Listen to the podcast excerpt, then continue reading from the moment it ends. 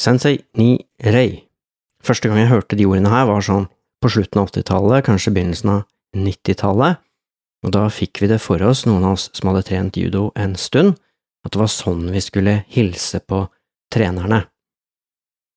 Det var allerede sånn at vi satt på linje ved siden av hverandre, det gjør man jo på en judotrening, og så sier den som er høyest gradert, som sitter da lengst til venstre for treneren, øverst på rekka, sier rei vanligvis, før man hilser, det er da betyr bare hils, og så ble det altså vanlig at man skulle si sensei ni rei for å på en måte hilse på treneren. For sensei betyr, som noen av dere vet, trener. Det er eh, ikke uvanlig at man i judo, karate og andre kampformer kaller eller omtaler treneren sin som sensei. Men det ligger faktisk mye mer i det begrepet enn kun det å være trener, og det skal denne episoden av Judomania handle om. Jeg heter Arne Midtlund, og du hører på Judomania, som er en podkast om judo, kampsport og selvforsvar. I denne podkasten fokuserer jeg på historikk, kultur og kjente og ukjente personer. Og denne gangen har jeg lyst til å snakke litt om et begrep som brukes både i populær kultur og i eh, judo og i andre sammenhenger som vi skal komme tilbake til i Japan, og det er ordet sensei.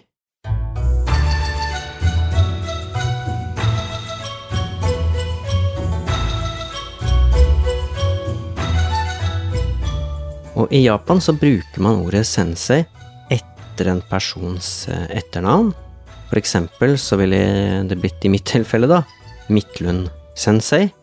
Og i det moderne Japan så bruker man først og fremst sensei om lærere i utdanningsinstitusjoner, lærere i kunst og medisin og dans og musikk osv. Så, videre.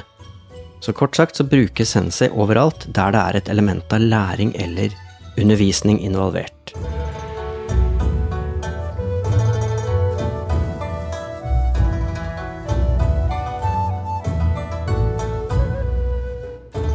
Direkte oversatt til norsk så betyr uttrykket sensei en som er født tidligere, altså en som er eldre enn deg. Og det kan jo være logisk, en som er født tidligere enn deg, og som altså er eldre enn deg, vil i de fleste tilfeller ha mer erfaring og derfor kunne lære bort noe til de som er født senere. Det er nemlig slik at i eh, mange kulturer, ikke minst den japanske, så har man respekt for de som er eldre, altså født tidligere. Og slik er det også eh, begrepet sensei brukes. Det brukes om noen man har respekt for. Og i våre dager så kan også sensei brukes om folk som er yngre enn deg. Det viktigste kravet er at vedkommende har en posisjon og en kunnskap som du verdsetter. Derfor brukes sensei om lærere, men ikke om alle lærere. Og sensei brukes også om folk som ikke er lærere, men som er dyktige på sitt fagfelt. Og en sensei er som regel sensei på et bestemt område, men ikke på et annet område. Så det betyr altså at vedkommende har stor ekspertise på sitt eh, felt. Vi kan jo se på universiteter som eksempel.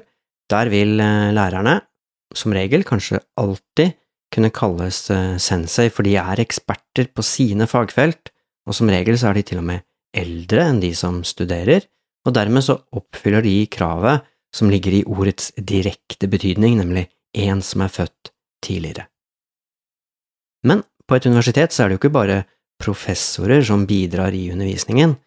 I mange fag så er det også eldre studenter som jobber som assistenter og som kollokviegruppeledere, og i slike tilfeller så er det ikke vanlig å bruke begrepet sensei. Da bruker man heller senpai, men det er jo et helt annet begrep, og det skal vi spare til en egen episode. Men altså, så å si alle som jobber i en eller annen undervisningssituasjon, kan kalles sensei, og det må altså da ikke nødvendigvis være snakk om en lærer.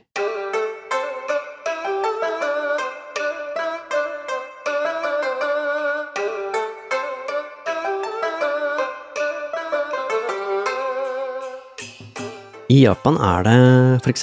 vanlig for barn og voksne å drive med aktiviteter etter skole og jobb. Og de som underviser på slike fritidsaktiviteter, kalles også for sensei.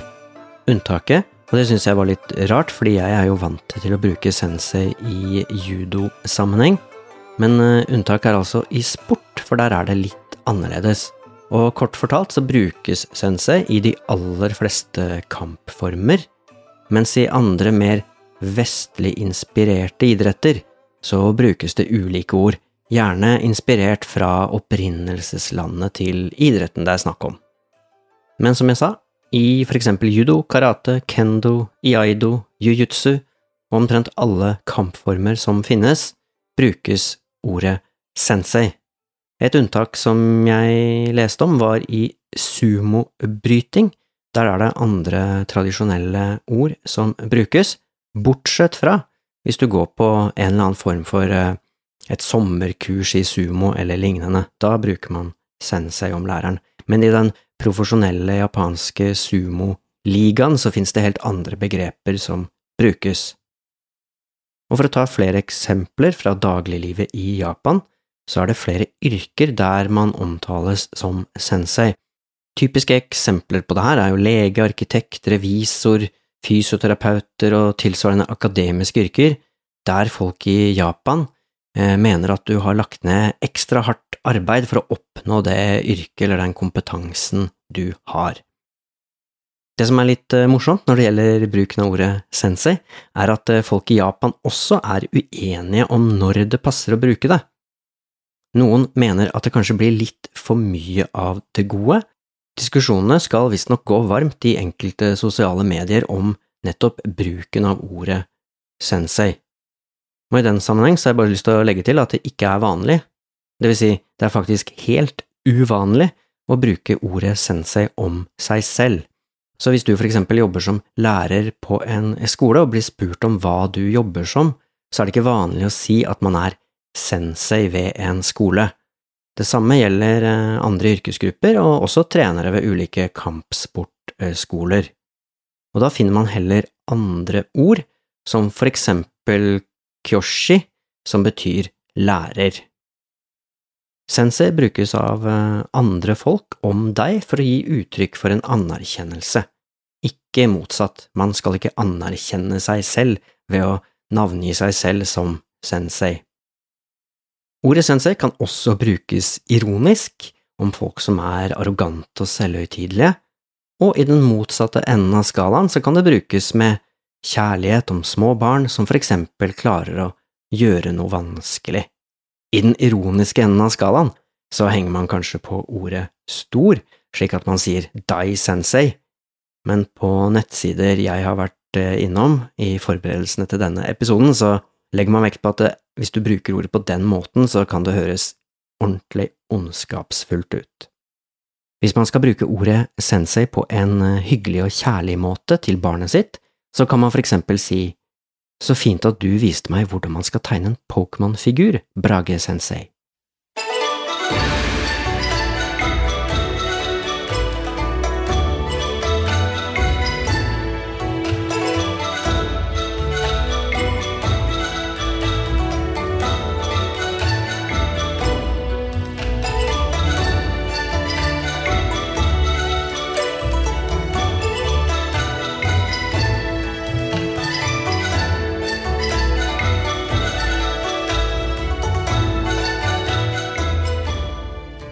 I denne delen av denne podkastepisoden så har jeg lyst til å gå litt nærmere inn på etymologien til ordet sensei, og da må jeg jo først og fremst være helt ærlig på at jeg absolutt ikke kan verken kinesisk eller japansk, så det jeg presenterer her, har jeg eh, lest meg til, og hvis dere som hører på, har mer peiling enn meg, så må dere gjerne korrigere eller kommentere det jeg sier.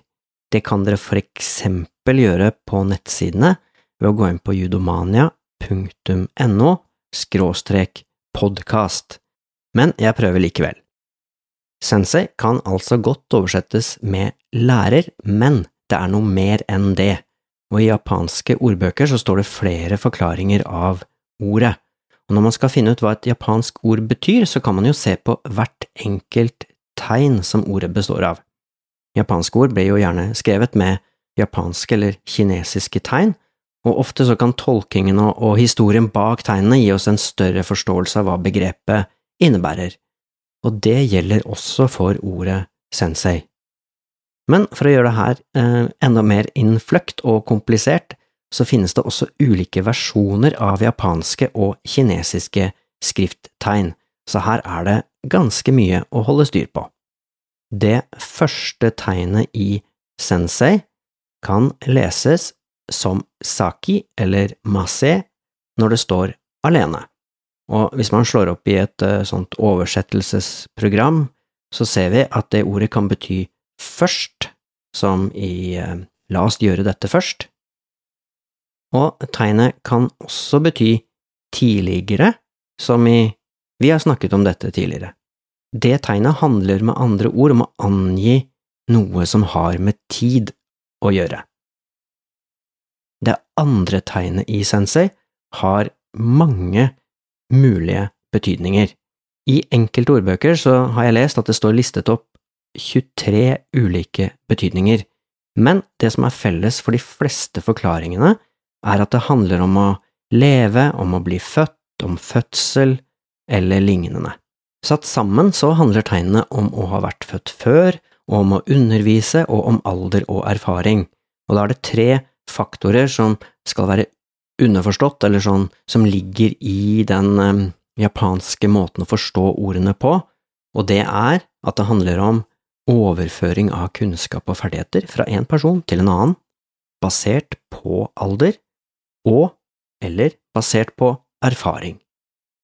Så å oversette begrepet nøyaktig er vanskelig, og det har å gjøre med hvordan det japanske og det kinesiske skriftspråket på en måte er sammenvevd og sammenblanda.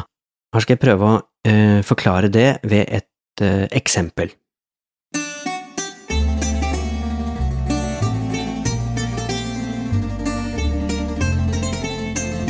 Våre uh, bokstaver i alfabetet gjør at vi kan for eksempel se på ordet educatus, det latinske educatus, og det greske paideia. Begge handler om undervisning, og i det latinske educatus, det kjenner vi kanskje igjen i det engelske education, og i det greske paideia, det kjenner vi kanskje igjen i pedagogikk. Vi skjønner jo at de ordene ikke betyr helt det samme, men de har i hvert fall med undervisning å gjøre. Men forskjellen i betydning her handler om at de skrives jo forskjellig, og det er ulike ord. De skrives med ulike bokstaver, og bokstavene i ordene har ingen um, dypere mening enn faktisk å, å vise oss hvordan ordene skal uttales. Det vil si at bokstavene representerer en lyd. Skrifttegnene i ordene educatus og paideia har altså ingen eh, dypere betydning enn at de representerer hvordan ordet skal uttales. Sånn er det ikke på japansk. De ulike lesemåtene av et tegn påvirker betydningen av tegnet. Et uttrykk som har ett eller flere kinesiske tegn i seg, og der de kinesiske tegnene kan forstås og tolkes på ulike måter, har noe å si for hva man tenker at ordet opprinnelig betyr, og den kinesiske betydningen av ordet, og hva ordet betyr i våre dager i Japan. Så når man ser eh, et ord satt sammen av kinesiske eller japanske skrifttegn, så er det flere lag, flere tolkingsmuligheter. Og alle disse faktorene spiller sammen, og de som vanligvis bruker ordene i sin naturlige setting, altså i Japan, og som bruker ordene som en del av sitt morsmål, de har selvsagt et slags ubevisst eller bevisst eh, en slags forståelse da, av ordet, og tolker tilleggsopplysninger og konnotasjoner, da, som det kan kalles, inn i sin eh, forståelse av ordet. Og på en språknettside jeg var innom, Tofugu, så står det forklart på denne måten. Ordet sensei har en opprinnelig betydning, men hva det var, er det vanskelig å bestemme helt nøyaktig. Da det japanske skriftspråket ble utviklet, så hadde disse tegnene flere betydninger. Den kinesiske versjonen av sensei er Xian Sheng, Nå må dere ikke arrestere meg på uttalen her, men det starter med en X, dette ordet her, og så er det Xian Sheng. Det er altså den kinesiske lesemåten av de samme skrifttegnene som ordet sensei består av. Men det betyr jo ikke at Xian Sheng betyr nøyaktig det samme som sensei, og det er her det begynner å bli litt eh, komplisert. I det moderne Japan så betyr Xian Sheng noe annet enn sensei. Så den kinesiske varianten betyr noe sånt som herr eller fru, litt sånn som når man i Japan henger på san bak et navn. Dere har kanskje hørt i filmer og sånn at man sier eh, Arne-san, Midtlund-san, nå bruker jeg mitt eget navn her da som eksempel, men at man henger på et sånt san, og det betyr egentlig bare en angivelse av herr eller fru. Hvis du i dagens kinesiske språk vil snakke om lærere, så heter det lao shi. Det betyr gammel lærer, og det er det nærmeste man kommer betydningen av sensei.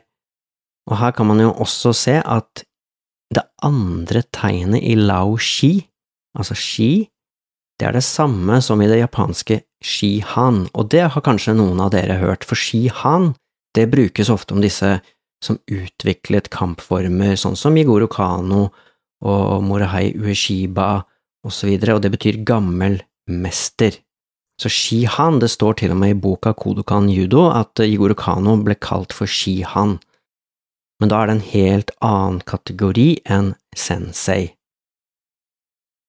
Og hvis vi fortsatt holder oss ved det kinesiske lao shi, som betyr gammel lærer, så er også dette shi det samme som vi finner i Kyoshi, som jeg sa i stad var det som man omtaler seg selv som hvis man blir spurt om hva man jobber som, og hvis man da jobber som lærer, så sier man at man jobber som kyoshi, så shi har med lærer å gjøre helt direkte.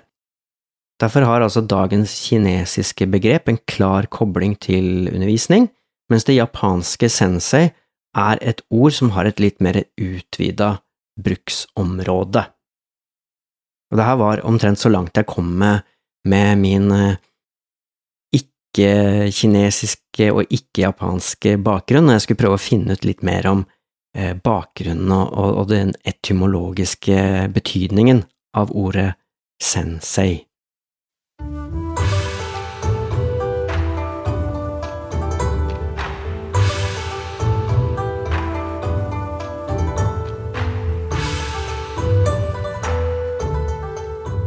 Så hva betyr alt det her egentlig? Er det noen regel for uh, hva man skal si og ikke skal si?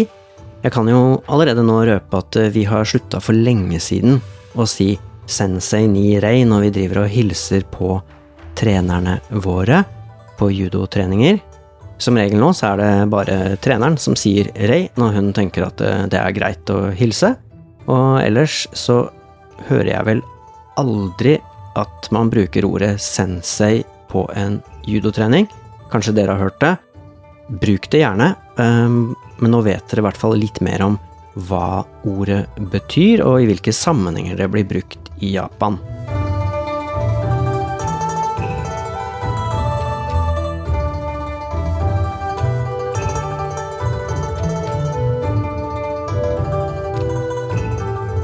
Nå er det jo sånn at Den måten man behandler en sensei på i Japan, har eh, røtter i lange, lange kulturelle tradisjoner i Japan.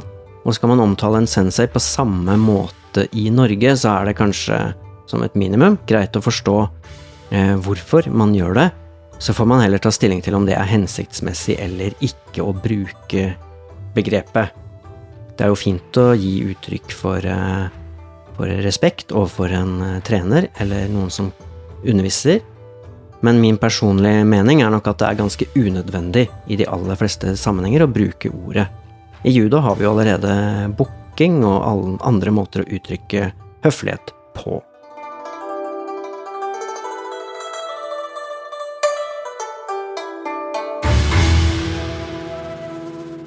Så man kan godt trene judo eller andre kampformer med engasjement og innlevelse uten å ta i bruk sensei-begrepet.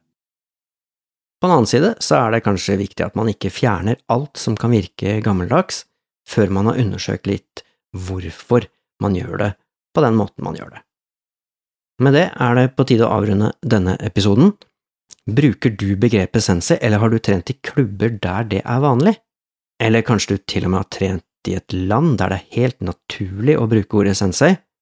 Har du i det hele tatt noen som helst erfaring med, eller mening om, bruken av ordet sensei? Ta kontakt. Du kan enten gå inn på judomania.no skråstrek podkast, eller du kan sende en e-post til podkast krøllalfa judomania.no. Det var alt for denne gangen. Takk for at du hørte på. Ha det bra.